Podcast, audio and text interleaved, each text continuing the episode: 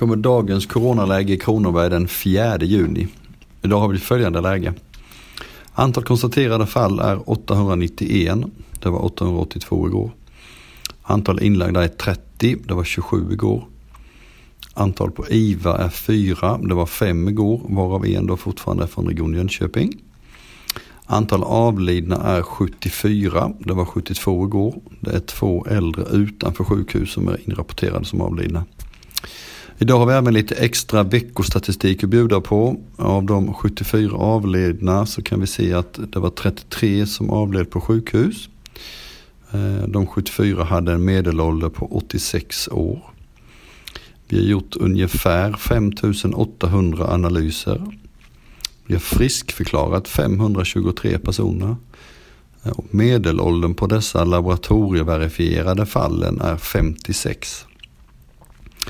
Antalet inneliggande patienter ökar något men ligger ju stabilt runt 30. Antal patienter på IVA fortsätter sjunka. Om vi räknar enbart Kronobergare så alltså har vi nu bara tre stycken på IVA. Vi ökar på vår kapacitet när det gäller provtagning men de senaste veckorna har behovet faktiskt minskat något.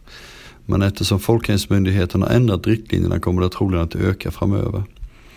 Nu håller vi på att organisera för fler grupper ska kunna provtas och vi påbörjar testning för antikroppar hos flera olika grupper. Från och måndag så kommer vi till exempel att testa alla blodgivare för antikroppar.